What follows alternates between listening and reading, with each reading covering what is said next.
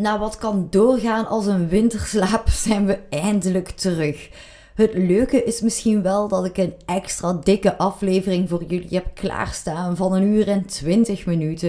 Het is misschien al tof om mee te geven dat het zal verlopen in drie grote onderdelen. Als je daar ergens in beslist van, hé, hey, ik heb er even genoeg van, dan uh, doe gerust. Vandaag zullen we het woonhuis en atelier bespreken van de man himself, zijnde eh, Victor Horta. Ik had deze aflevering echt graag uitgebracht op 6 januari. Ik weet het, dat, is, al meer dan het is een maand geleden. Maar 6 januari is his birthday. Hè? De man is 162 jaar geworden. Nog een late happy birthday, Mr. Horta. Maar oké, we gaan erin vliegen. Welkom bij La Vida. Ik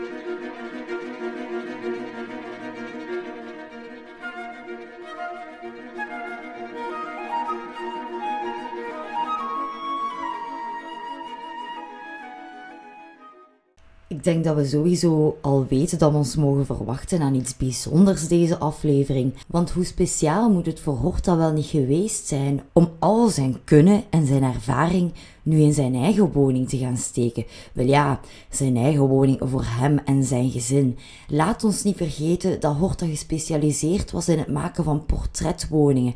Hij hield dus rekening met de eisen, noden en wensen van de klant.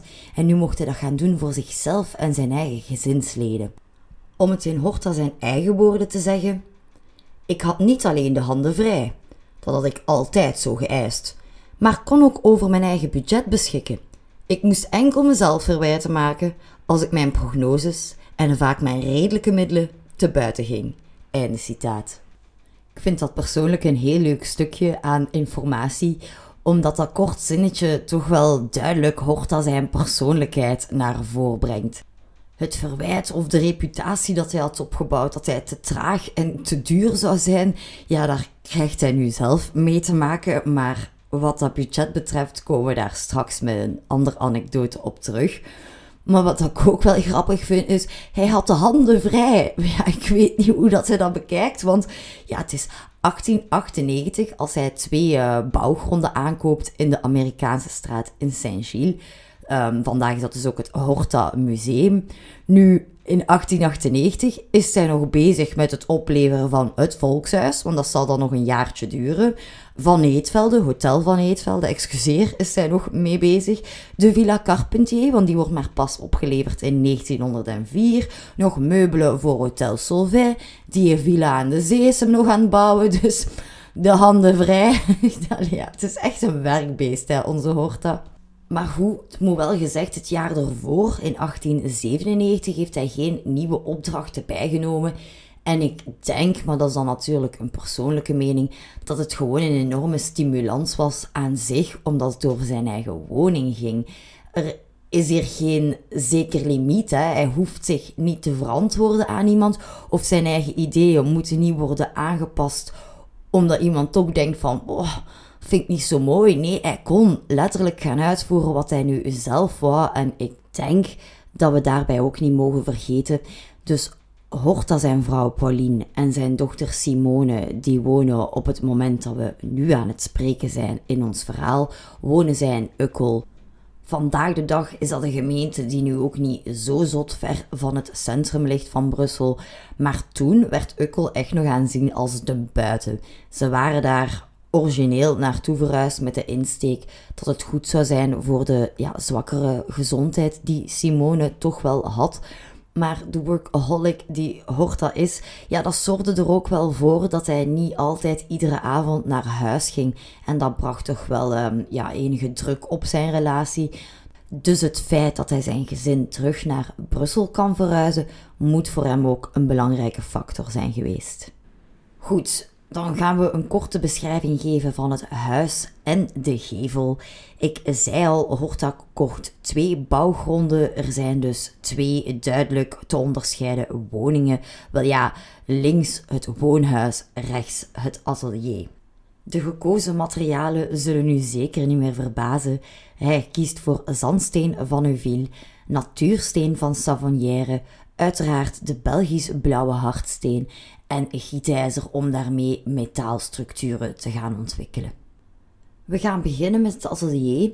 Dus als we vooraan de woning staan met ons gezicht naar de gevel gericht, dan ligt dat dus rechts, zoals ik al zei. Voor het algemeen beeld is ook leuk om te weten, of interessant om te weten, dat het atelier een verdieping lager stopt dan het woonhuis. Dus we hebben daar een eerste asymmetrie, iets waar Horta ja, zot van was. Hè? Hij had dat graag. Nu, als je dan die gevel van het atelier in zijn totaliteit bekijkt, dan valt eigenlijk wel gelijk op dat de meerderheid van die gevel is opgetrokken in glas. Uiteraard vormt al dat glas ramen en dat is nog iets waar Horta zo zot van was. Hè? Heel veel lichtinval. Nu, voor wanneer we verder gaan, ik wil nog even benadrukken dat we de gevel van het woonhuis en de gevel van het atelier die we nu aan het bespreken zijn, echt apart van elkaar eventjes moeten zien. Tuurlijk grenzen ze helemaal tegen elkaar aan, maar ja, voor het algemeen beeld, we gaan dat even splitsen. Dus vergeet nog eventjes het woonhuis. We zijn gefocust rechts op dat atelier. En dan hebben we links in de hoek een eerste voordeur. Je gaat straks wel misschien meer begrijpen waarom dat, dat hier zo moeilijk zit te maken. Maar goed, dus links de toegangsdeur van het atelier. Een bijzonderheid aan deze toegangsdeur is de brievenbus. Die brievenbus, ofwel de gleuf van de brievenbus, ligt verticaal en bovenaan ja, vormt dat eigenlijk de doorsnede van een bloem. Ik wil maar zeggen waar dat de stamper zou zitten, daar heeft Horta zijn eigen achternaam geplaatst. Dus ja, dat is I really love it. Echt een zeer leuk detail hier. Ik heb er ook een foto van getrokken die ik zeker zal plaatsen op de Facebook en Instagram pagina van La Vidorta. Rechts van die toegangsdeur zit een groot raam. En dat raam dat moest licht geven aan het kantoor van de tekenaars die Horta in dienst had, die dus voor hem werkten. En zij hadden dus daar hun eigen atelier of een eigen kantoor. Op dat moment, dus 1898, ja, 1900, de eerste jaren, heeft Horta ondertussen 20 tekenaars in dienst. We zijn nog steeds op het gelijkvloers, maar we gaan nu de achterzijde van het atelier gaan bekijken en daar is een kantoor voor de beeldhouwers in ondergebracht. Een verdieping hoger hebben we dan de verdieping die men de belle étage noemt. Nu, ik vind dat, dat dat wel altijd wel wat voor verwarring zorgt. Toch zeker wanneer het gaat over een bespreking, iets waar je naar luistert en niet gelijk kan zien. Uiteraard zal ik ondersteunende foto's plaatsen op de Facebook- en Instagram-pagina van La Vidorta. Maar op dit moment ga ik er eventjes vanuit dat we toch geen foto voor onze neus hebben. En de belle étage is wat men officieel noemt de verdieping tussen het eerste verdiep en het gelijkvloers. Maar ik vind als ik dat zo benoem in een bespreking, dan lijkt dat alsof dat gebouw maar één verdieping heeft. En dan zouden toch denken dat het relatief klein is. En dat is bij die herenhuizen totaal niet het geval. Het zijn altijd enorm grote woningen. Dus voor het gemak, ik ben ervan overtuigd, als je, of ja, oftewel ligt dat weer aan mij, maar als je ervoor staat, dan zou je zeggen, het atelier bestaat uit twee verdiepingen. Nu, anderzijds, waarom brei ik heel die uitleg daar weer aan vast? Wel, de belle étage, ofwel letterlijk het schoon verdiep, duidt ook aan waar dat de meest belangrijke ruimtes van het huis komen te liggen, of in dit geval het atelier. Op de belle étage zal Horta namelijk zijn eigen kantoor plaatsen en ook een salon die dienst doet als wachtzaal. Nu, ter hoogte van die belle étage, ofwel het eerste verdiep, het is zoals je zelf wilt in, ja, van mij heb je de keus, voilà. Maar goed, op de belle étage zien we dus eh, drie ramen. Links zijn twee ramen die zeg maar een duootje vormen. Die zijn gescheiden door een gietijzeren zuil. En rechts van die twee ramen zien we een derde raam, maar er is een scheiding van een muurdam tussen die twee. Nu, die twee ramen die dat duootje vormen, daar wil ik nog wel iets uh, geinig van vertellen. Iets leuk of alleszins een element benoemen dat ik zeer belangrijk vind in deze gevel. Als we kijken aan de onderzijde van dat raam, dan zien we daar een cartouche. Um, een soort stempel in steen feitelijk. Nu, dat heeft niet alleen een decoratief element, want Horta heeft die gravure of die steen dus mooi bewerkt. Maar het zorgt er ook voor dat die ijzeren zuil daar ondersteuning vindt. Anderzijds, wanneer het regent, langs die groeven van die gravuren loopt het water eigenlijk weg. Dus dat is dan ook weer een interessant element. Verder zitten daar ook nog eens twee verluchtingsmonden in weggewerkt. Dus dat lijkt ook decoratief, maar heeft dan ook weer een ja, functionele functie. Klinkt niet helemaal juist, maar goed. En dan last but not least, het zorgt er ook voor dat wat anders een vrij rechtlijnige gevel zou zijn, ja, dat die natuurlijk doorbroken wordt hiermee. Ik wil maar zeggen, dat is daar zeer doelbewust geplaatst. En dat is ook weer typisch of eigen aan Horta. Alles heeft altijd een reden. Daar staat nooit niks gewoon maar om de boel wat op te leuken of zo. Dat heeft altijd nog een achterliggende functie. Ik wil daar misschien zelf nog aan toevoegen dat dat ook het onderscheid maakte tussen Horta, Paul andere mensen die zeer gekend zijn binnen die Art Nouveau en copycats. Want er is ook een periode geweest dat men de Art Nouveau-stijl, die men ook wel de spaghetti-stijl noemt, ging kopiëren. En die spaghetti-stijl, ja, dat klinkt nogal denigrerend, maar dat kunnen we dan ook beter plaatsen bij de mensen die hem en anderen wouden nadoen. Want daar hebben we dat dus veel minder of zelf niet. Hè. Daar zijn letterlijk dingen geplaatst om de boel wat op te leuken, maar of dat die nu zozeer een functie hadden, ja, dat valt sterk te betwijfelen. Nu dat geheel terzijde, al denk ik wel dat Horta het ten zeerste zal geapprecieerd hebben dat ik dit even benadruk. Nu goed, verder naar het tweede verdiep, want daar zit het werkelijke tekenatelier. Je kan dat ook uh, direct herkennen, want het vormt het grootste raam van de gevel. Het, uh, het loopt over de gehele breedte van de gevel door en wordt onderverdeeld door twee gietijzeren zuilen die het dak van de zolder ondersteunen. In een voorgaande aflevering, de aflevering van Hotel Opek, benoemde ik dat Horta zijn tekeningen bekeek met een verrekijker. Wel, dat moet dus in dit lokaal geweest zijn. Dan gaan we verder met het woonhuis of echt het woongedeelte van de familie Horta. Ook hier enkele elementen die we gaan aanhalen alvorens we de woning gaan betreden. Net zoals het atelier heeft deze gevel heel veel ramen, dus wederom veel lichtinval binnen in de woning. En rechts beneden in de hoek hebben we dan de voordeur. Nu gaat misschien ook wat meer sens maken wat ik daar juist allemaal zat te prutsen met die twee deuren, maar daar is wat ik naartoe wou. Als je de gevel in zijn geheel bekijkt, wil ik daarmee zeggen het woongedeelte en het atelier, dan vallen die twee toegangsdeuren wel echt op. Horta wou daarmee ook echt hebben van, kijk, als je mijn atelier moet zijn, als het work-related is, rechts. Maar mijn woning, als je mij komt bezoeken, dan is links. En hebben de twee is ondanks dat ze naast elkaar liggen, niet noodzakelijk iets met elkaar te zien. Of tuurlijk hebben ze iets met elkaar te zien, maar het is werk en privé gescheiden houden. Ik zei al dat het woonhuis één verdieping hoger is dan het atelier. En over het eerste en tweede verdiep, ofwel de belletage en het eerste verdiep, zoals je wilt, loopt er een erker. Als we de gevel van het woonhuis zouden onderverdelen in drie verticale stroken, dan loopt deze erker over twee derde van de woning. Dus over twee verticale stroken. Wel ja, het is te zeggen, natuurlijk niet onderaan, niet op het gelijkvloers. Daar, uh, daar, daar is die erker nog niet. Dan zouden we er eigenlijk gaan onderstaan. Uh, en bovenaan stopt hij op de derde verdieping, omdat er dan wel weer plaats is voor het maken van een balkon. Wat wel zo tof is. Maar ook op het eerste verdiep, of op de belletage, is een balkon. En de tegels van dat balkon, zeg maar, of de vloer, waarin dat, dat anders vaak toch wel in blauwe hardsteen is, is dat hier vandaag in glas. Wel ja, vandaag toen ook al, hè. Maar ik kan er mij wel iets bij voorstellen. Misschien is dat weer te veel mijn eigen mening. Maar dat ze dat toch bijzonder hebben moeten, moeten gevonden hebben. Ik weet niet hoe, op hoeveel glazen vloeren dat ze toen al gestapt hadden. Zelfde dag van vandaag, als je bijvoorbeeld in een hotel bent of een uh, museum, zoals ik afgelopen zomer in Athene en het museum daar van de Acropolis.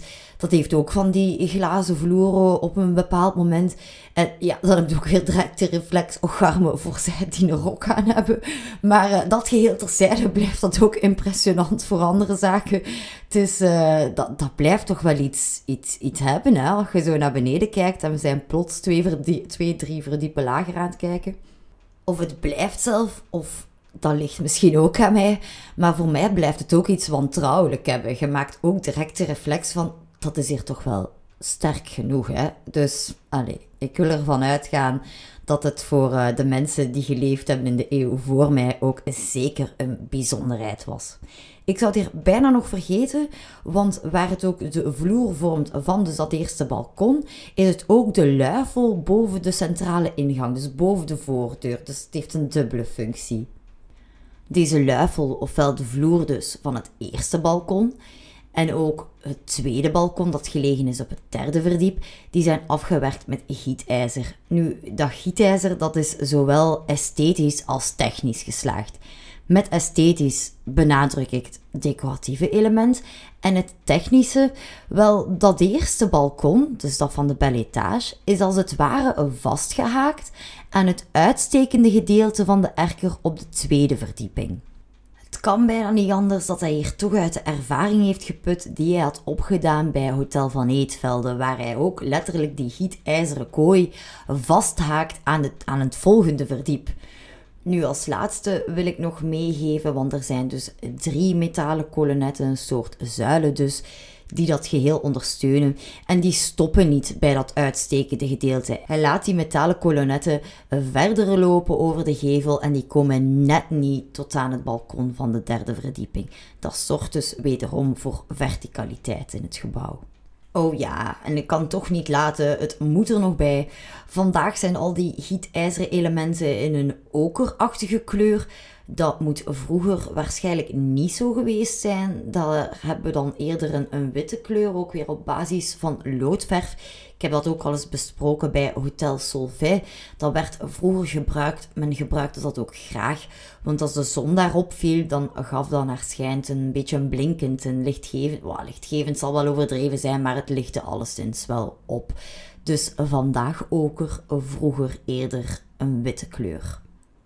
Nochtans, die kleur is eigenlijk wel goed gekozen, want als je binnen in de woning komt, dan komen die tinten van rood, heel veel verschillende tinten van geel, ook enkele elementen van groen naar voren. Maar dat, uh, dat warme dus, dat, dat past zeker uh, bij het geheel. Nu, we gaan dat geheel eens langs de binnenkant gaan bekijken. En het feit wil dat ik die binnenkant nog maar zeer recentelijk opnieuw gezien heb. Dat is zo gekomen. Acht jaar geleden heb ik het Horta Museum voor een eerste maal bezocht. En misschien was dat ook een beetje verwaand van mij om te denken van, ach ja, daar zal wel genoeg van overblijven.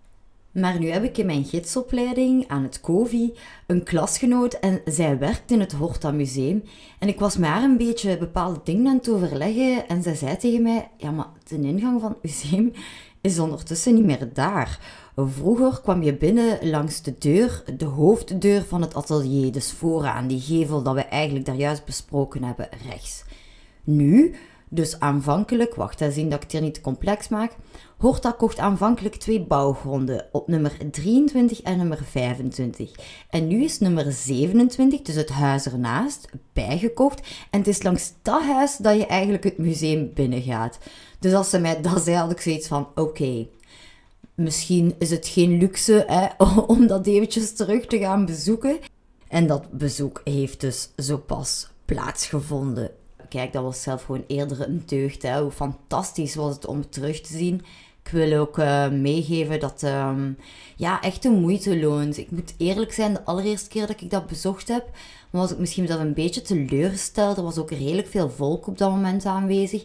En vandaag de dag werkt dat toch anders. Misschien ook dankzij COVID eh, of de nasleep van COVID, dat mensen binnengaan in een tijdslot. Je maakt je reservatie op voorhand, je koopt je ticket en er is maar een maximum aantal bezoekers binnen dat uur. En binnen dat uur heb je eigenlijk voldoende de tijd om de woningen rond te gaan. Je volgt ook een parcours en ik vind de opbouw zeer tof gedaan. Zeer logisch. Je begrijpt beter hoe dat die woning in elkaar zit. Dus eigenlijk heel veel pluimen en punten voor de conservator en zijn team uiteraard. Want um, ja, de belevenis was ditmaal veel, veel aangenamer. Echt, uh, I was so impressed. Het klinkt zo onnozel natuurlijk. Maar Horta die had echt wel een heel mooi huis om in te wonen. Aan mij om er nu een beeld van te schetsen. Wij gaan de woning betreden langs de toegangsdeur, langs de voordeur, alsof dat we bij Horta op visite komen. Dus zoals het origineel voorzien is. De linkse zijde dus van de gevel die we daar juist eerst besproken hebben. Als je binnenkomt, dan kom je eerst in een kleine hal, wat al direct opmerkzaam is dat op de vloer een um, combinatie ligt van marmer, van wit en rode marmer. En dat lijken dan mozaïeksteentjes, waar dan ook weer uh, ja, bepaalde tekeningen in zijn aangebracht, zeker in de hoeken dan. Nu, in combinatie met het warme van het hout, krijg je direct een heel gezellig gevoel. Je voelt je daar al ja, direct welkom is misschien wat erover, maar toch, toch, het, het voelt super fijn aan. Ja, en Horta zal het misschien met mij akkoord zijn, want uiteraard zal dat wel het gevoel geweest zijn dat hij aan het najagen was als hij zelf thuis kwam. Hè, na een lange werkdag. Hij wou zich vast en zeker ook welkom voelen. Nu, terwijl we daar staan, moeten we ook eventjes aandacht hebben voor een uh, toch wel bijzondere radiator. We zien die voor ons. Uh, daar is ook de aanzet van de trap. Die trap eh, bestaat uit wit marmer met grijze nerven. En we zien ook direct al niveauverschillen. Dat mag je aanhouden in heel de, doorheen heel de woning. Hoort dat heeft dat ook graag, die, die asymmetrie. Dus hij, hij speelt daar ook op verschillende manieren mee. Maar bon, ik ben hier weer veel te hard aan het weglopen. De aanzet van de trap, links daarvan, daar is plaats voor een radiator. Niet zomaar een radiator, het is echt weer iets dat hij heeft weggepakt uit die industrie. Het is een verticale radi radiator. En uh, ja, vandaag denk ik zouden we dat zelf uh, eerder modern vinden. Dare I say? yes, I do. Voilà. Ik zal het zo zeggen, in moderne woningen zou dat ook zeker niet misstaan. Maar dat is ook zo, hè? Antieke kasten. Nee, Anne, zwijg, dat is te veel je eigen mening. Oké, vooruit met de geit. Wij stonden dus in die kleine entree, in die kleine hal. Uh, wij gaan zo meteen verder de trap op gaan. Ik wil gewoon nog even meegeven dat we links een gang in kunnen die verbinding zal maken naar de terreinen van het dienend personeel, meer bepaald naar de keuken toe, maar dat is voor straks. En rechts is een mogelijkheid om naar het atelier te gaan. Nu, aanvankelijk, als we de gevel overlopen hebben, heb ik met jullie al een beetje kort besproken um, wat daar aanvankelijk lag. De tekenateliers en dan achteraan de beeldhouwerateliers. Ik wil misschien toch even meegeven dat als je rechts dus zou afslaan en we gaan die ateliers binnen en je loopt naar de achterzijde, dan heeft Horta een wenteltrap gemaakt naar het onderste verdiep uit gietijzer. En ja, daar heb ik toch ook wel weer even twee, drie minuutjes gestaan, die van uh, verschillende hoekjes bekeken. Um, ja, zeer, zeer mooi element. Zeker omdat je daar ook zo'n beetje deels, maar half buiten is veel gezegd, maar er ligt zo'n serre-dak op. Dus er komt, ja, uiteraard heel veel licht naar binnen. Nu goed, het is ook niet de bedoeling dat ik jullie letterlijk uh, volledig in iedere kamer uh, meeneem en dat je er mij op vastbindt van oeh, hier was de rooksalon toch? Allee, zo ver gaan we niet gaan. Hè. Hiermee weet je dat er ook een rooksalon aanwezig is. Maar kijk, um, net zoals in voorgaande afleveringen gewoon zo paar dingen highlighten die ik bijzonder vind, die ik leuk vind. Dus kijk, die wenteltrap is daar zeker één van. Nu gaan we terugkeren naar de centrale hal en we gaan die trap verder omhoog gaan. De trap waar dus de verticale radiator staat. We gaan dan eerst een paar treden naar omhoog en daar is weer een tussenstukje en daar wil ik uw aandacht vestigen op ja, het is eigenlijk een nis. Aanvankelijk stond er bij Horta een beeldhouwwerk in. Een werk trouwens van Pieter Brakke. Die naam gaat uh, nog wel eens terugkomen verder deze aflevering. Maar vandaag is er een plaat aangebracht met enige uitleg op. Pin mij er nu ook niet meer op vast welke uitleg precies.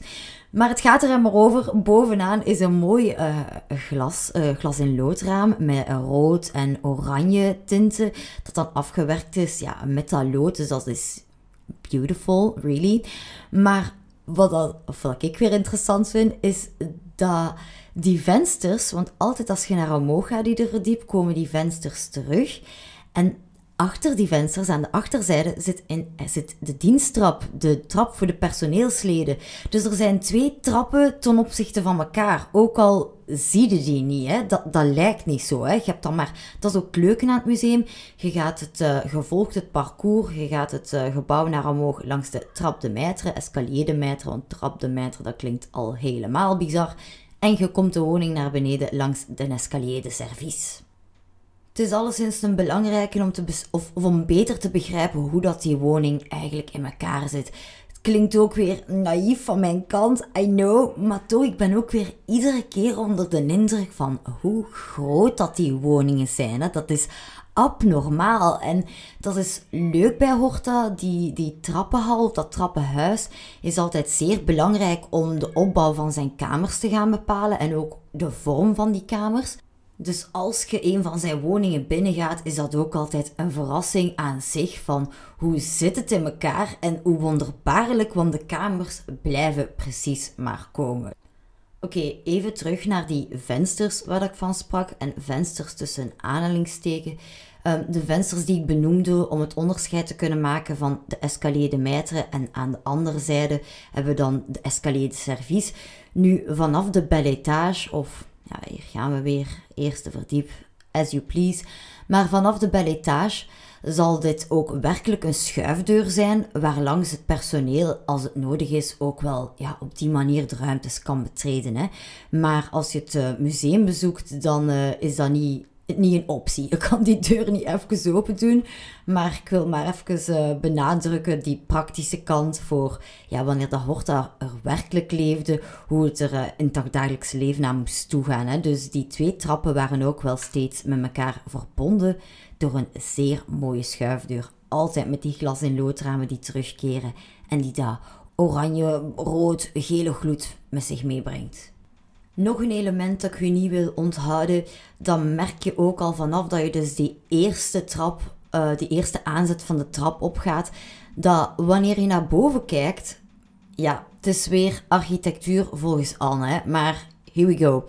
Dus voor mij voelt dat bijna aan als iets Marokkaans, als iets van het oosten. Die plafonds zijn allemaal afgebogen. Um, hoe zal ik dit uitleggen? Nu pour Tron, de eigenares of de huidige eigenares van Hotel Frison, die ik overigens ontmoet heb als ik uh, Hotel Frison bezocht heb, die zou het zeker aanmerken als die Indische invloeden. Wel, hierin heeft ze zeker gelijk, want het zou ook naast Marokkaans-Indisch kunnen aanvoelen. Horta zijn doel ervan is alleszins om ook weer te spelen met asymmetrie en zoveel mogelijk ruimte te scheppen. Volledige binnenmuren, not his thing. Hij vindt dat niet tof. Dus waar dat het ook maar even kan en dat er bijvoorbeeld uh, een bepaalde holte kan vrijgemaakt worden, zodat je dus die bogen krijgt boven u, ja, zal hij dat dus zeker gaan doen. Nu, dat geeft een zeer fijne dynamiek, ook weer opnieuw voor de schilderwerken daarna. Kon je dat leuk gaan accentueren door de rand van die bogen in het goud te gaan benadrukken. Maar evengoed zijn er aan de binnenzijde dan wat meer um, elementen met rood en een beetje licht oranje. Dus dat soort ja, voor, op, weer opnieuw voor een heel warm gevoel en iets zeer origineel. Iets dat je nog nooit op zo'n manier gezien hebt.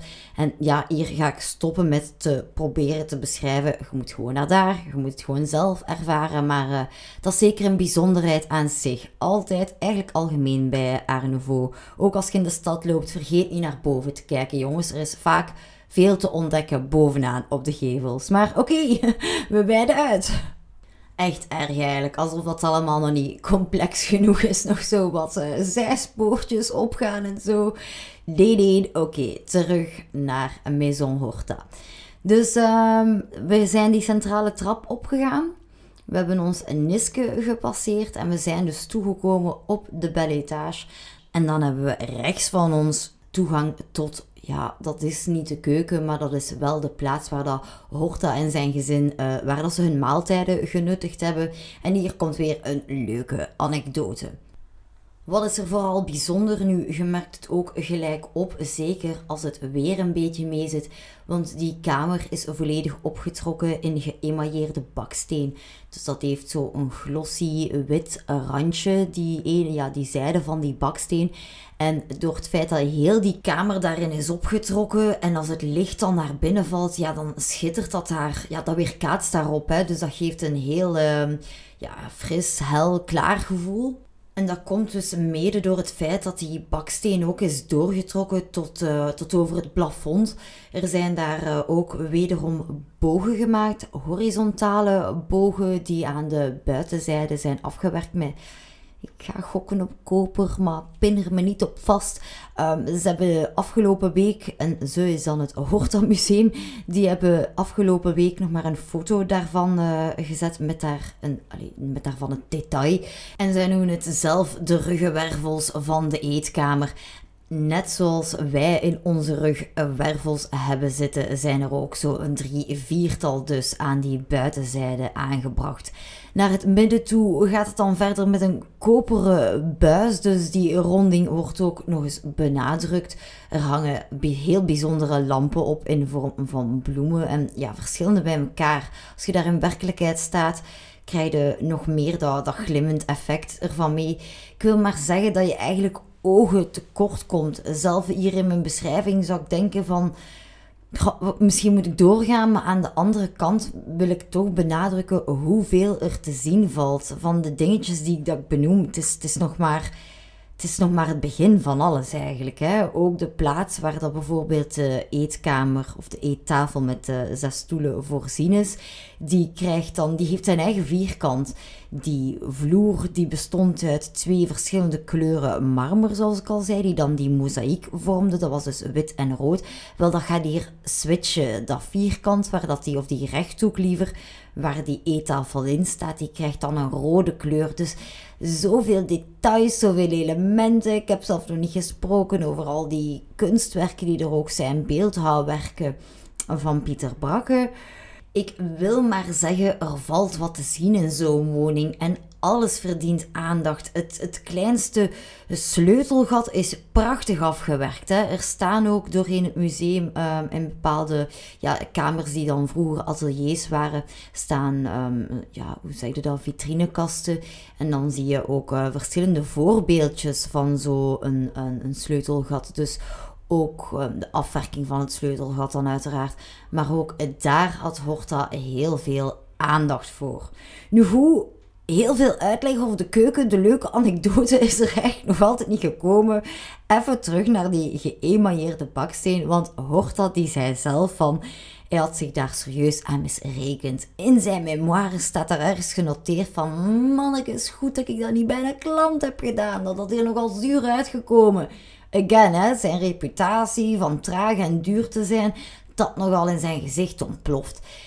Vertelt zelf van ja, en ik heb er dan redelijke middelen. En ik dacht ook dat ik het goed had uitgerekend. Hij had even getwijfeld van misschien de achterste gevel daar volledig uit op te trekken. Maar hij beslist dan van zijn keuken te doen. En hij zegt dat het op het einde helemaal af was, hoe mooi dat ook is. Maar het was goedkoper geweest van volledig geen marmer op te trekken.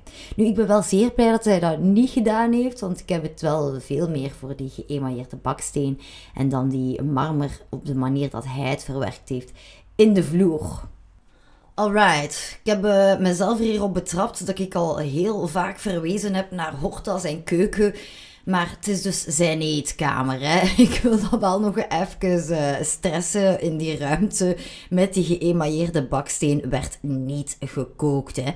Maar Horta en zijn gezin nuttigden daar wel hun maaltijden. Dus daarmee dat ik dat altijd zo wat zit door elkaar te halen. Nu, die eigenlijke keuken gaan we zeker nog bespreken, maar dat is voor ietsje verder in ons verhaal.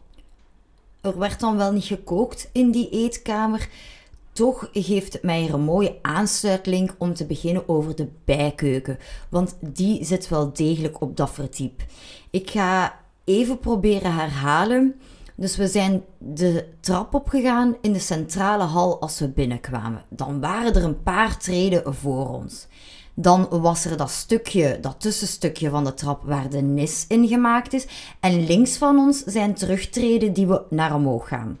Als we daar omhoog kwamen, dan is rechts van ons de eetkamer. De plaats met de geëmailleerde baksteen die ik net besproken heb. Als we die ruimte, dus die eetkamer, nog niet zouden binnengaan, maar we zijn, ze, ja, we zijn erin aan het kijken, we staan ervoor, dan rechts in de muur is een doorgeefluik gemaakt. Als het uh, museum gaat bezoeken of zou bezoeken, dan zal je zien dat het uh, Horta Museum dat speciaal heeft laten openstaan om daar de nadruk op te leggen. Er werd dus geen eten bereid op dat verdiep, maar er werd wel de laatste hand gelegd aan schotels. Dus de laatste afwerking om iets op zijn mooiste te presenteren of een saus die er bijvoorbeeld moet overgegoten worden, maar dat niet te lang op voorhand mag gebeuren of dat de ja, voedingsmiddelen wak zouden worden. Dus die laatste hand aan die schotels leggen, dat gebeurde in die bijkeuken. Nu, dat doorgeefluik staat ook open om u daarop patent te maken. Want wilt je dat doen, dan zouden we weer helemaal kunnen vergeten dat dat daar überhaupt is. Maar als je nadenkt over, ik vraag hier, I know, wel best wel wat van uw verbeelding, zelf van mijn eigen verbeelding, seriously. En ik ben er geweest. Maar goed, als je um, nadenkt over die trap die ik daar juist hernomen heb, en dat ik in het begin vertelde dat aan de achterzijde de diensttrap zit, dan is dat ook logisch dat we met die bijkeuken weer in hun terrein zijn. Als je in die bijkeuken zit en je draait je om, dan kijkt je op het glasraam van de nis, waar dat dus dat standbeeld van Pieter Brakken in stond, waar dan nu momenteel het plakkaat hangt met de uitleg waarvan dat ik het schuldig moet blijven wat er nu precies op stond. Iedereen mee? Fingers crossed. Ja, het is echt niet zo evident, hè. Ik, ik ga nog geen poging doen.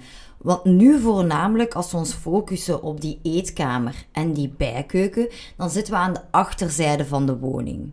Daar juist stonden we nog met ons aangezicht richting de eetkamer. Wel, we gaan ons omdraaien en dan kan ik u meegeven dat de kamer aan de overzijde, dus aan de voorkant, aan de straatkant, de voorzijde van het huis, daar was het muzieksalon. En daarnaast, links daarvan, geloof ik, is het rooksalon, maar laat mij dan nu even schuldig blijven.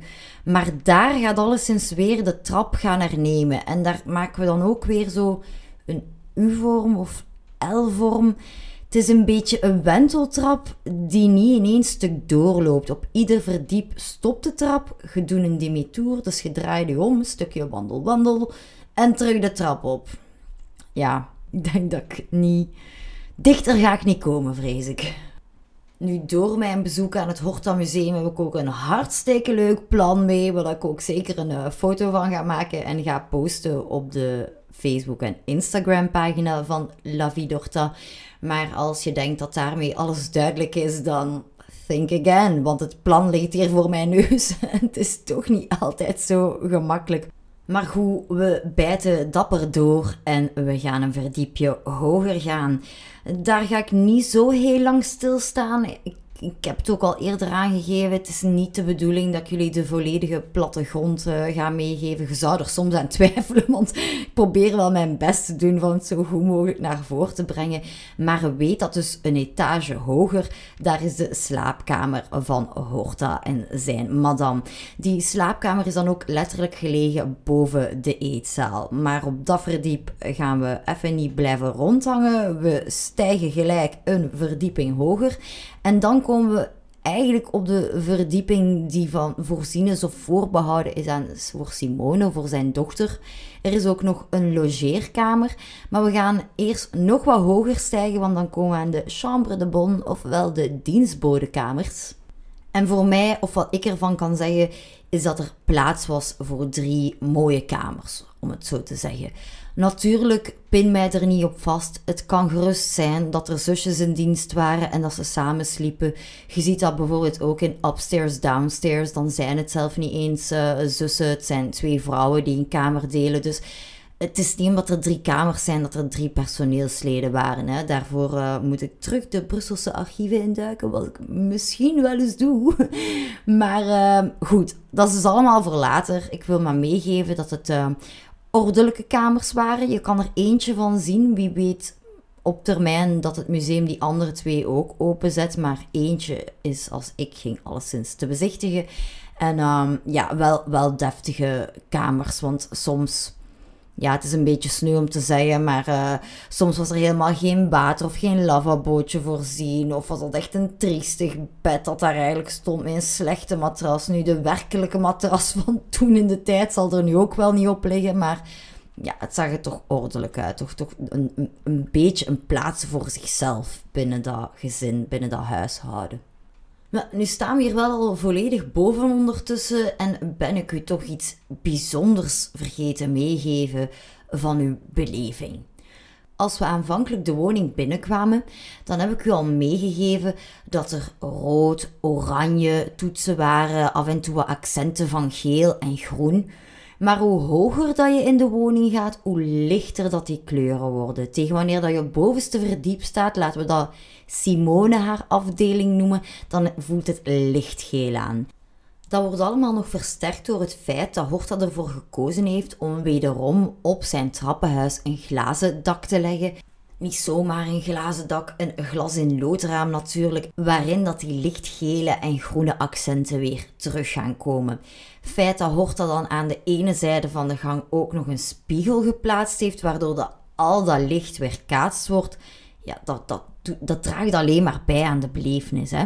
Ik heb dat in een eerdere aflevering al eens uitgelegd of benoemd. En ik ga dat toch nog eens doen, want ja, ik heb wel ook al opgemerkt dat toch niet iedereen bij één start. Dus die glas- en loodramen zijn al prachtig aan zich. Maar dat moet ook een factor op zichzelf geweest zijn dat echt bijdroeg aan de sfeer in het huis. Want als het zonnig weer is, krijg je een heel ander effect dan dat het regent.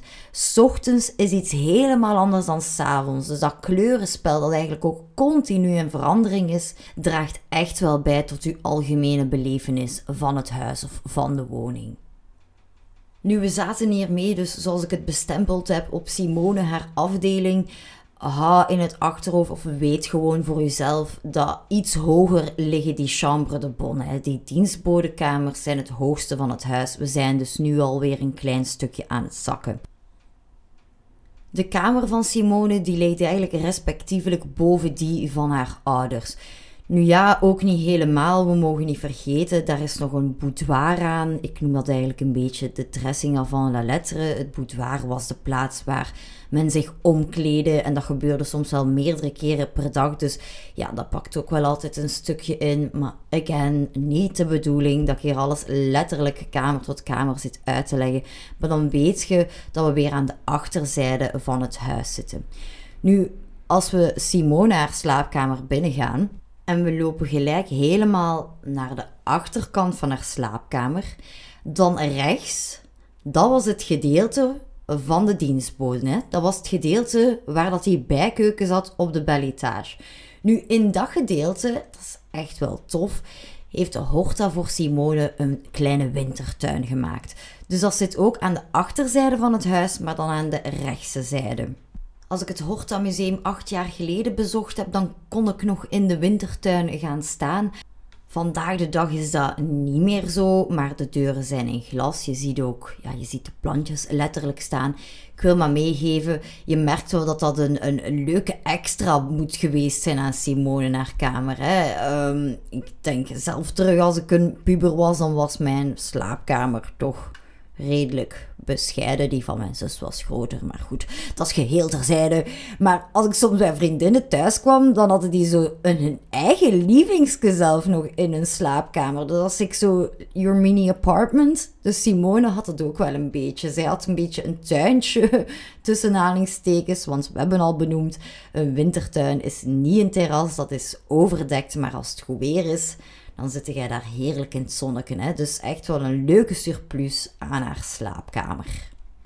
En dan gaan we dus beginnen zakken, maar langs die diensttrap. En ik zit mij er dus al de hele tijd suf te pikkeren. bedoel, hoe erg kan het zijn? Ik ben er nog maar net geweest. Wat ik nog 100% zeker weet, is dat als we daar juist in de trappenhal waren, die lichtgeel aanvoelde, met de spiegel waar het licht op weerkaat. Langs daar ging de niet naar beneden. Er stond daar een medewerker van het Horta Museum en die leidt u dan naar de andere kant. Dus het feit dat we daar in die wintertuin zijn, moet in het verlengde van de wintertuin, als je van de achterzijde van de woning terug naar voren komt, moet daar toch weer die diensttrap starten. Ik zie het zelf gewoon weer niet meer visueel voor mij. Laat staan dat Gullen het moet zien. Maar we're going down. Probeert gewoon dat beeld vast te houden wat ik in het begin geschetst heb. De glazen schuifdeuren met die mooie glas in loodramen met dat oranje en dat rood die zorgen er altijd voor dat het dienend personeel altijd naar de vertrekken kan waar nodig. Dus als we een verdieping zakken, waar dat de slaapkamer is van Horta himself, dan is aan de andere kant een ruimte voorzien, net like die bijkeuken, hè, maar een verdiepingje hoger. Dus ze zit letterlijk ervan afgescheiden. Je ziet dat niet als geen Horta zijn slaapkamer staat of zo. Maar die gang daarachter, daar zijn dus ook weer lokaaltjes in gemaakt. En wat heeft Horta daar zitten? Een fotoatelier, zo'n darkroom voor zijn eigen foto's in te ontwikkelen. Dat kon dus work-related zijn, maar Horta ontwikkelde daar ook zijn eigen vakantiekiekjes. Maar zo schattig. Alleen schattig is het woord niet, maar het is weer zo'n hobby van hem, een projectje van hem. Mocht hij nog geen werk genoeg hebben en er blijft nog wat tijd over, dan gaan we foto's ontwikkelen. Nu, ik ben blij dat ik daar juist al heb duidelijk gemaakt dat ik het niet meer helemaal weet hoe dat in elkaar zit. Want I know I slipped up here. Want dat fotoatelier, dat zit niet achter zijn slaapkamer. Absolutely not. De badkamer zit daar. 100% zeker.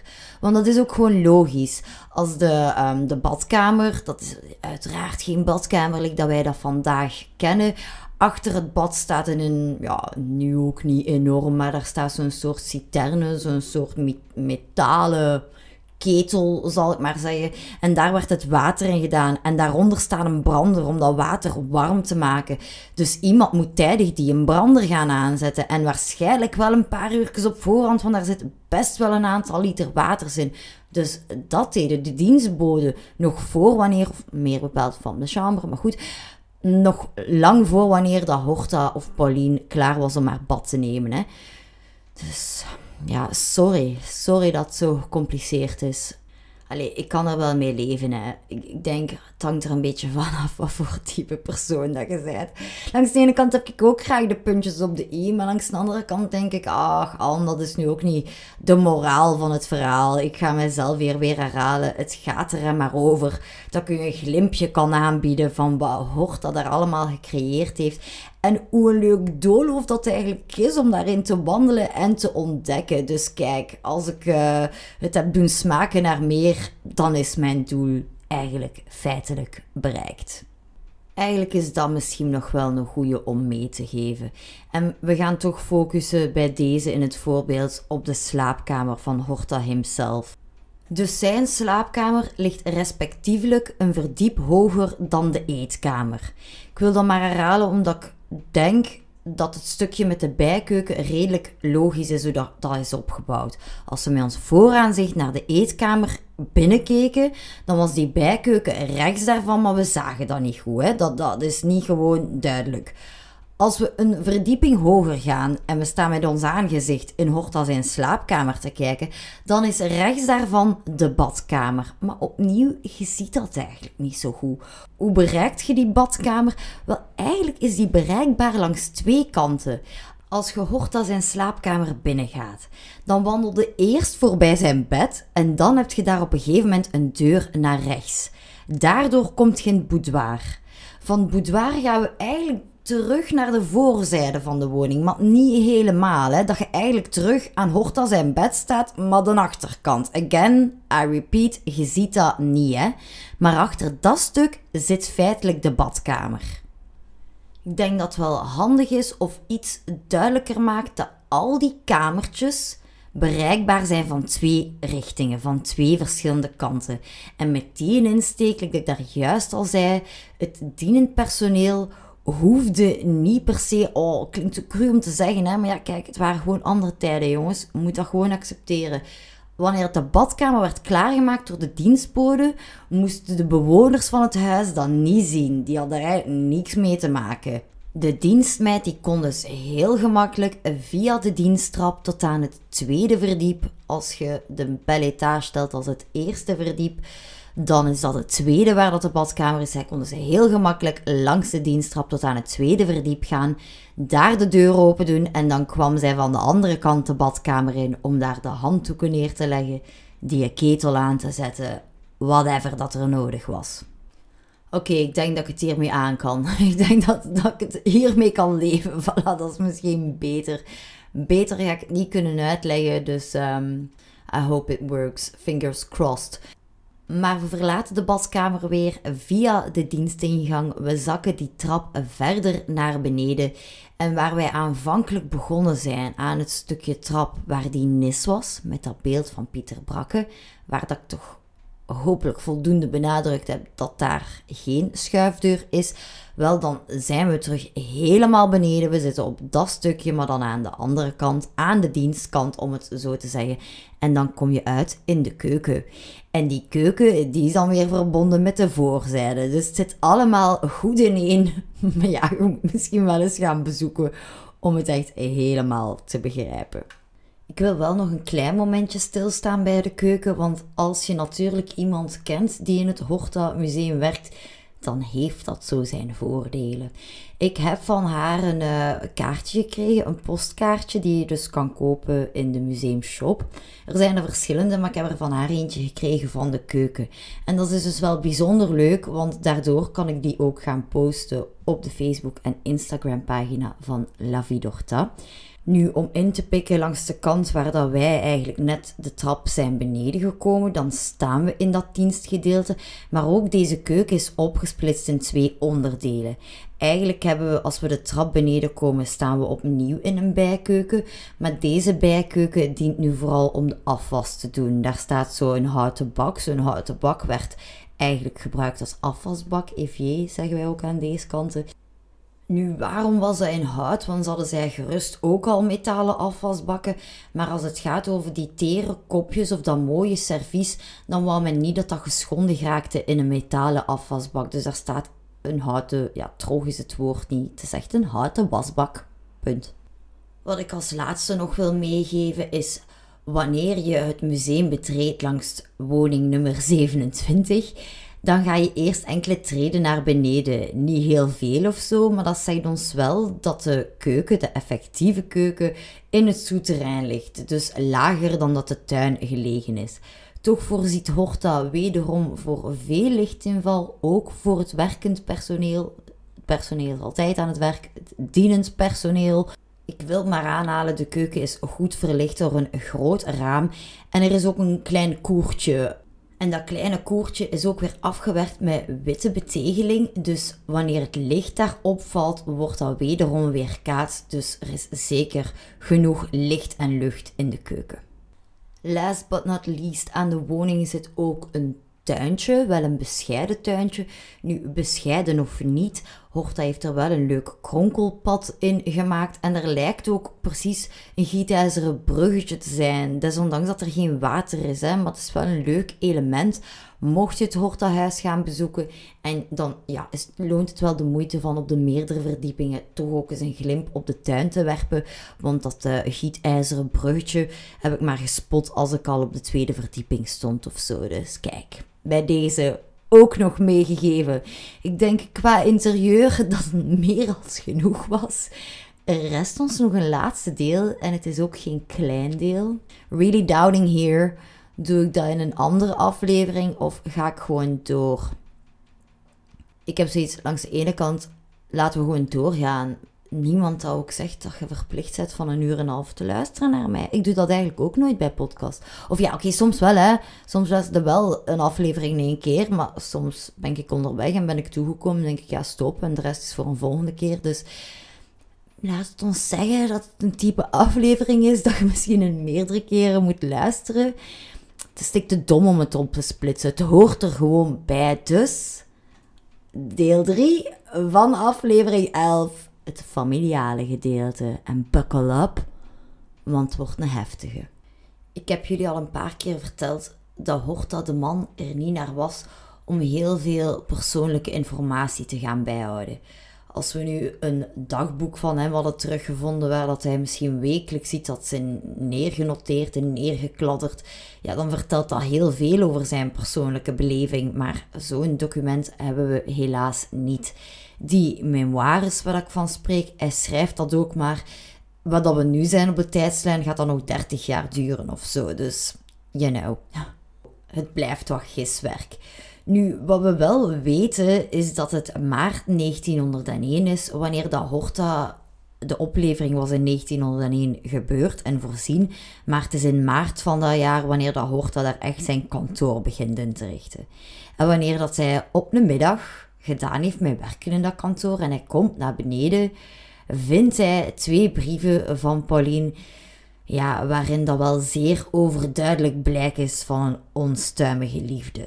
Pauline heeft onze Victor dus bedrogen.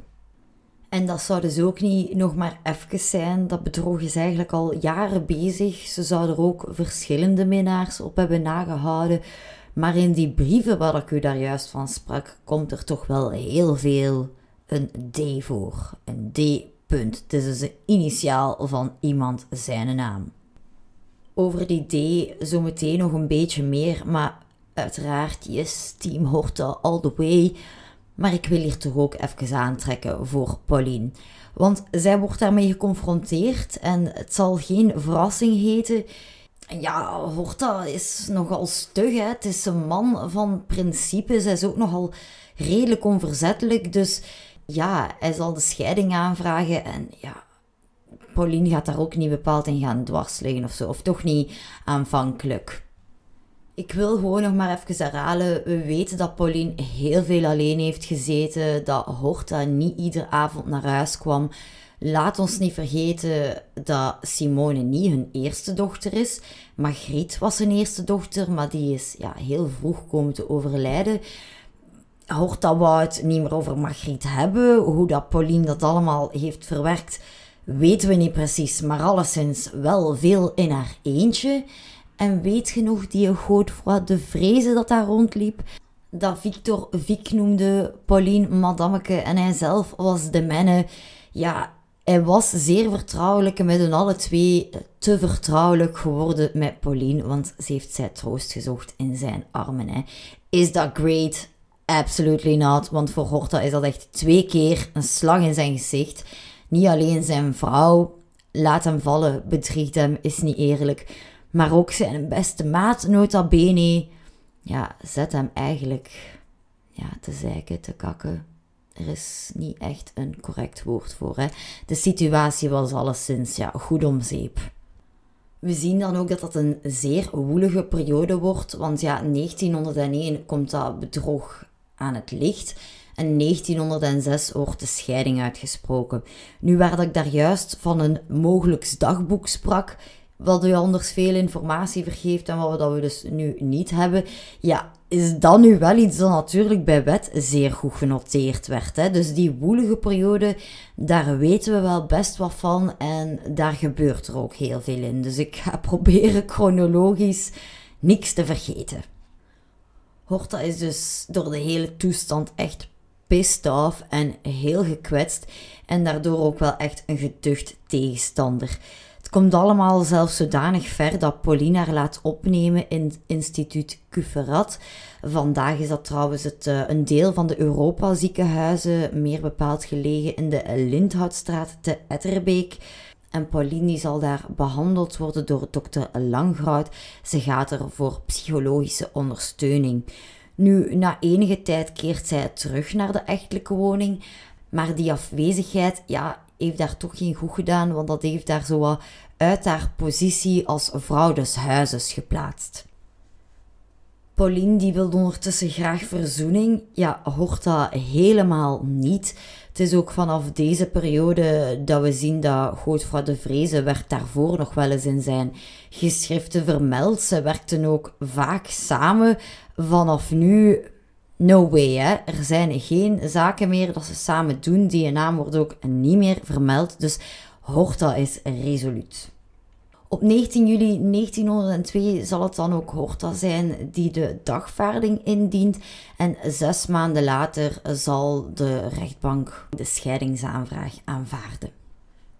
Wanneer dat Pauline daar in het cuferat zat, heeft de zaken er natuurlijk niet gemakkelijk op gemaakt. Het is niet dat Simone alleen thuis bleef of zo. Hè. De uh, geschriften laten daar een beetje onduidelijkheid over bestaan, want wat we wel 100% zeker weten is dat in het jaar 1904 en 1905 Simone 100% zeker op internaat zit, meer bepaald in uh, Villevoorde. ik wil maar zeggen, hier hoort een beetje mijn eigen gevoel dat ik ga volgen. Want Victor Horta, en ook ja, niet alleen Victor Horta, ook Pauline leert daar Julia Carlson kennen. Julia Carlson die is aan het internaat een uh, turnlerares. ze geeft Zweedse gymnastiek. Ze is dan ook van Zweden afkomstig, daarom dat ze die technieken kan en wil doorgeven aan anderen. Nu, zometeen nog wat meer uh, randinformatie over Julia Carlson. Maar wat ik naartoe wil is, het is alleszins een partij die zowel Horta als Pauline kennen. Kun je dat wel inbeelden als, ja, als ze daar staan aan school, misschien samen, misschien afzonderlijk. Waarschijnlijk niet samen, want de gemoeder waren ondertussen al goed verhit daar in 1902. Wanneer dat die echtscheiding ja, voor de rechtbank gaat komen, dat duurt ook allemaal even. Beide partijen gaan ook heel veel getuigen oproepen en een van die getuigen is Julia Carlson. Nu, waar Paulina aanvankelijk nog graag een verzoening wou, is daar ondertussen ook niks meer van aan te merken. Hè? She's also into battle zone, als we het zo mogen zeggen. Ze begint uh, haar eigen verdediging op te bouwen. Ze zegt dat Horta haar vroeger mishandeld heeft. Dat hij haar beledigde in de manier waarop dat hij haar aansprak. Ze verwijt hem ook dat hij zelf buitenechtelijke relaties zou zijn aangegaan met dienstmeiden of zelfs studenten van hem. En ze gaat hem ook gaan zwart maken bij zijn vrienden. Denk bijvoorbeeld aan Alfons Grootaert, de man die aanvankelijk als ze pubers waren dat stukje poëzie had geschreven. Wel, uh, ja, hij zal ook op zijn beurt in de rechtbaar de rechtbank daarvan een getuigenis komen afleveren, waarin dat hij daar melding van maakt dat Pauline wel echt uh, ja, haar kar aan het keren is. Zij, wordt, zij laat ook haar klauwen zien, ja. Waar dat aanvankelijk Pauline dat bedrog nog toegaf, ja, doet ze dat nu niet meer. Het is een beetje he said, she said. En dat is ook die reden omdat dat bedrog eigenlijk niet 100% kan aangetoond worden, dat zoveel getuigen worden opgeroepen. Nu, om het allemaal nog wat dramatischer te maken, op het, uh, ja, in december van 1902, op het einde van het jaar, komt Victor Horta zijn mama te overlijden, de Gentse Henriette Kopieters. En ook hiervoor gaan we eventjes een zijspoor opgaan, want ja, Horta meldt dat eigenlijk nergens. Als Horta zijn papa, die is eerder overleden, dan is zijn mama altijd in Gent blijven wonen. Ja, altijd.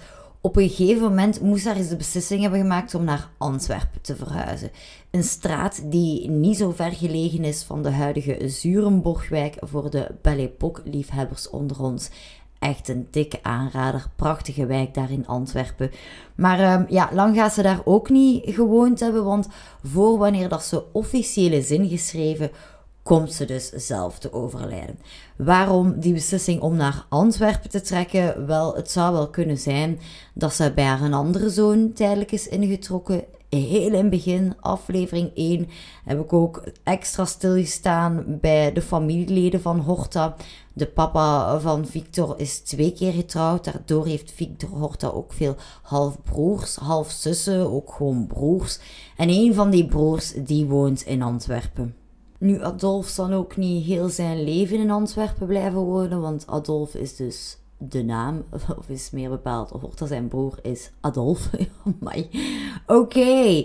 En Adolf die zal wel ook niet heel zijn leven in Antwerpen blijven wonen, want met een andere anekdote die zich afspeelt in Brussel, zijn we vrijwel zeker dat hij op dat moment terug in Brussel woont. Maar ja, toch ook al kunnen we dat niet perfect vastprikken, het feit dat Henriette naar Antwerpen verhuist, ja, dat is niet onlogisch als je dan denkt, ah, mijn zoon woont daar, ik ben alleen, let's go to Antwerp. Enfin, soms vind ik dat jammer, dat ik dat niet helemaal zo puntjes op de i kan zetten, maar het is soms een beetje gissen en je eigen menselijke gevoel daarin volgen van, wat is nu die achterliggende reden? Nu, verder, want zoals ik al zei, het is weer een zijspoor, maar Horta vermeldt dat dus ook nergens dat zijn mama komt overlijden.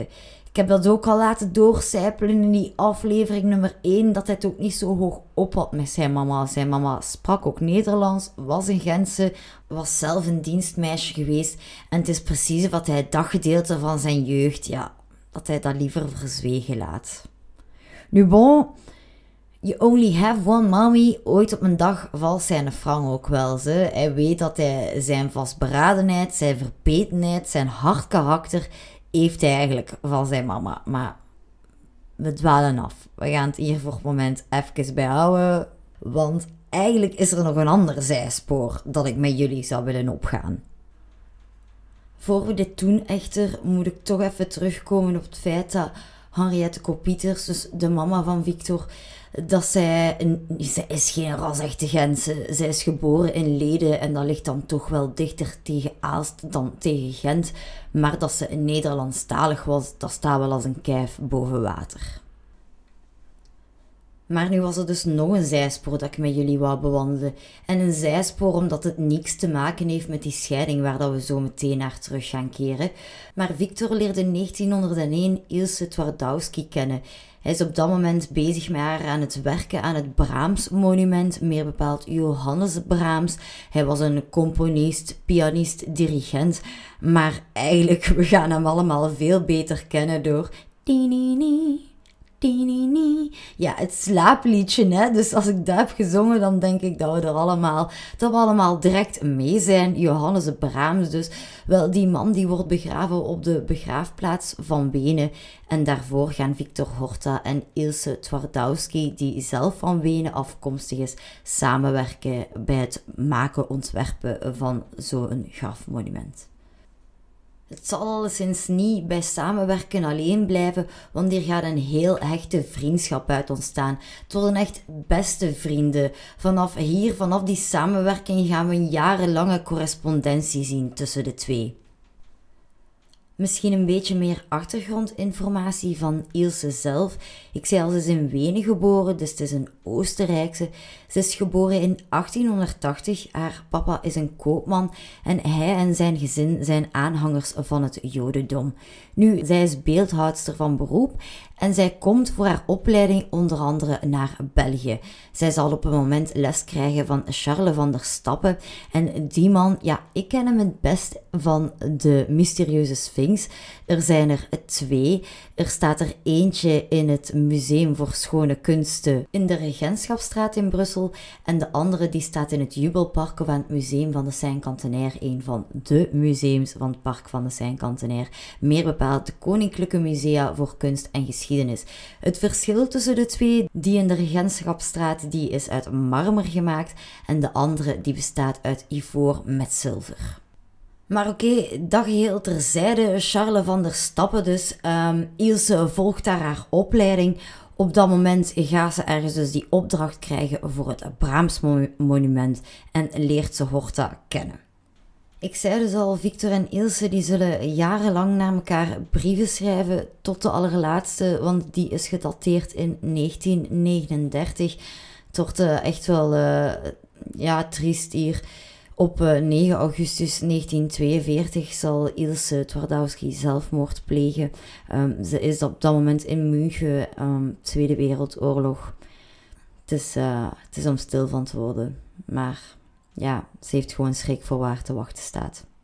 Gelukkig is nu op onze Horta-tijdlijn maar 1901. Hij heeft Ilse net leren kennen in het midden van die scheiding, want daar moeten we wel terug naartoe. Uh, er worden dus van beide kanten heel wat getuigen opgeroepen. Aan Horta zijn kant staan enkele bekende opdrachtgevers, zoals Emile Tassel, Max Halley, maar evengoed zijn trouwe medewerker Doutsenberg, een van zijn beste medewerkers. Ook enkele dienstboden, maar op zijn lijst wel één grote afwezige zijn de Godvrouw de Vrezen. Pauline daarentegen van haar kant, die heeft ook een heel reeks getuigen. Op haar lijstje prijkt echter wel de naam van Godefroy. Het feit dat Godefroy geen getuigenis voor Horta versterkt voor mij nog het feit dat hij wel degelijk de amant is of de lover van Pauline. Zoals al aangehaald, het is een woelige scheiding en om Simone daar dus wat van tussenuit te houden, wordt ze in één van die jaren op internaat geplaatst. En daar staat weer een nieuwe soort frictie. Want ja, Pauline die is daar helemaal niet meer opgezet. Zij probeert dan ook om op zondagen en tijdens de schoolvakanties van Simone uit het internaat te halen en bij haar te laten verblijven. Maar Horta van zijn kant heeft iets, ja nee, tijdens de vakantie wou ik Simone ook bij mij laten logeren. Dus opnieuw discussie. Het is dan uiteindelijk 21 januari 1905 wanneer de echtscheiding wordt uitgesproken in het voordeel van de eiser, zijnde Victor Horta dus. Hij krijgt ook de voogdij over Simone en ja, je kunt het wel al raden, Pauline denkt... No way. En zij vecht dat opnieuw aan. Dus dat hoederecht dat wordt opnieuw bekeken, maar het mag niet baten. Alles blijft bij hetzelfde. En op 12 december 1906 is de scheiding definitief uitgesproken. Nu, scheidingen, dat blijkt dus iets te zijn van alle tijden. Het is alleszins iets waarbij we ons als moderne mensen wel echt een beeld kunnen vormen. We beseffen allemaal, misschien door zelf een scheiding mee te maken, misschien een kind te zijn van gescheiden ouders, zelf als je volwassen bent en uw ouders gaan uiteen, het, dat, dat zet heel uw wereldje zoals je het kent op zijn kop. Dat gaat niet anders geweest zijn omdat die mensen in de eeuwen voor ons leefden. Ik ben vrij zeker dat Horta dit echt niet zo leuk zou vinden. Um, hij schreef al niet zoveel op van, van zichzelf, dus hij wou zijn privé eigenlijk niet delen. Het feit dat ik dat hier naar boven haal, ik denk dat hij waarschijnlijk zou zeggen: Anne, please, heb het over mijn architectuur, heb het over mijn huizen, maar niet over deze. Maar net omdat het zo menselijk is en net omdat we er ons zoveel bij kunnen voorstellen, ja, wil ik dit toch delen, ja. Zeker ook, het leven is gewoon allemaal niet zo zwart-wit. Het is ook veel later dat we in Horta zijn memoires opnieuw kunnen ontdekken. Dat hij zelf ook wel beseft, ja, ze waren vrij jong als ze getrouwd zijn. Horta was 18 jaar, Pauline die was er 19 ja, je moet nog zoveel ontwikkelen. Hij, schrijft ook letterlijk zelf wat ik vind dat hem zeker wel um, flatteert. Of dat, dat ik toch um, een positieve bedenking vind. Dat hij hem realiseert dat vrouwen rapper volwassen zijn als mannen. Dat, ja, dat eigenlijk Pauline veel verder stond in haar gedachten. In gewoon de manier waarop dat ze in het leven stond. Dan hij op zijn 18 jaar. En ja, op de verloop van tijd heeft hij dat ook gewoon meer kapot gedaan. Zo jong samen zijn. Um, hij had die enorme overtuiging van op professioneel vlak wist hij heel goed waar hij wou geraken. En alles heeft daar ook voor moeten schuiven. Hij zal ook wel beseffen dat hij een hoge prijs heeft gesteld of zelf een, een prijs heeft gecreëerd dat de kop van zijn huwelijk heeft gekost. Hoe vergaat het dan de twee na de scheiding? Pauline die zal verhuizen naar Elsene, meer bepaald naar de Koninklijke Prinsstraat. Dat ligt niet zo heel ver van Place Stefanie. En wat we nog kunnen zeggen is dat dat niet de laatste keer is dat Pauline zal verhuizen. Die gaat nog vaak verhuizen in de rest van haar leven. Nu, later in een andere aflevering van deze podcast zullen we daar nog op terugkomen. Als we dan gaan kijken naar Horta, ja, hij voelt zich alleen en ontredderd. Ja, Simone zit daar ook op internaat. Ja, we kunnen het al raden, hè. hij stort hem vol bak op zijn werk natuurlijk. Um, Ilse Twadowski, dus zal hem ook uitnodigen naar Duitsland. Vraag mij niet wanneer, maar ooit moet ze toch van Oostenrijk naar Duitsland verhuisd zijn. Ik heb dat proberen opzoeken. Ook noemen ze haar soms Ilse Twardowski-Konrad. Ik dacht dat Konrad er dan bij kwam via haar man, maar dat moet dan toch via haar papa uh, gekomen zijn. Op het moment dat zij um, zich bekeren tot het Jodendom, verandert hij zijn naam. Dus allee, daar, daar blijven weer een paar uh, vage plekken. Uh, ja, daar, daar ontstaan gewoon een paar vage plekken. Als iemand mij de informatie kan bezorgen, dan mag dat zeker en vast. Maar ze woont in Duitsland en voor wanneer dat de oorlog uitbreekt, ja, gaat alles daar nog goed. En ze nodigt dus Victor uit. Horta zal echter deze invitatie afslaan en dan eh, ga ik hem nog even citeren. U moest eens weten hoe graag ik zou willen vertrekken uit dit ondankbare land, waar ik door een speling van het lot geboren ben. Op zoek naar een minder bekrompen omgeving, waar de artistieke vervoering beter begrepen wordt of met meer waardigheid wordt geduld. Mijn land lijkt me zo klein, de mensen vaak nog kleiner. Soms heb ik het gevoel dat ik hier stik en dat de lucht vol treurnis hangt. Einde citaat. We kunnen hier duidelijk stellen dat Victor Horta echt verdrietig is. Echt helemaal down is hij. En dat zou ook wel eens kunnen zijn door het feit dat hij zijn huis verkocht heeft. Nu, dat zal misschien wel een fictieve verkoop geweest zijn. Gewoon om te beschermen, ja, als je dan uh, midden in die scheiding zit, dan weet je dat dat eigenlijk ook gaat verdeeld worden onder de twee. Zeker, ja, hij heeft ja, hij beschermt Pauline totaal niet meer. Hè. Hij laat die compleet aan haar lot over. En daardoor wordt zij dus ook wel ja, wat hebberig. Ja, hebberig tussen zware aanhalingstekens. Hè. Want als gescheiden vrouw in die tijd was het alles behalve gemakkelijk. En zij eist dus ook haar deel op van bestellingen die tijdens die scheiding worden geplaatst. Dus Horta gaat waarschijnlijk zijn huis hebben willen beschermen en hij verkoopt het woonhuis en het atelier aan Jules Hiclet. Nu, zoals ik al zei, Jules woont daar niet zelf. Dit is dus eerder een fictieve verkoop, eerder om dat te beschermen. Later, meer bepaald in 1913, zal Horta de woning terugkopen. Dan is hij wel weer uh, de rechtmatige eigenaar, om het zo te zeggen. Het is op dat moment, of ook een paar jaren kort daarna, dat hij enkele uh, aanpassingen zal doorvoeren aan de woning. Um, ja, langs de ene kant zou kunnen zeggen, let it go. Maar dat is dan weer, ja, als ik de puntjes op de i kan zetten, dan, dan, dan doen we dit wel. Het is ook eigenlijk dan pas dat die wintertuin voor Simone zal uh, gebouwd worden, dat het erbij komt. Ik denk vooral dat dat komt door die insteek dat Horta maakte portretwoningen. Ik denk, oké, het leven zet zich verder, maar in een huis gaan wonen dat eigenlijk ontworpen was voor hem en zijn ex-vrouw en zijn dochter ja, nee, hij moest daar aanpassingen aan doen. Hè. Ik ben hier wel even een verkorte versie van de feiten aan het geven, want we gaan hier zeker nog op deze periode terugkomen. Ik wilde alleen maar al meegeven, ja, zoals ik altijd doe, wat er een beetje met dat huis gebeurt.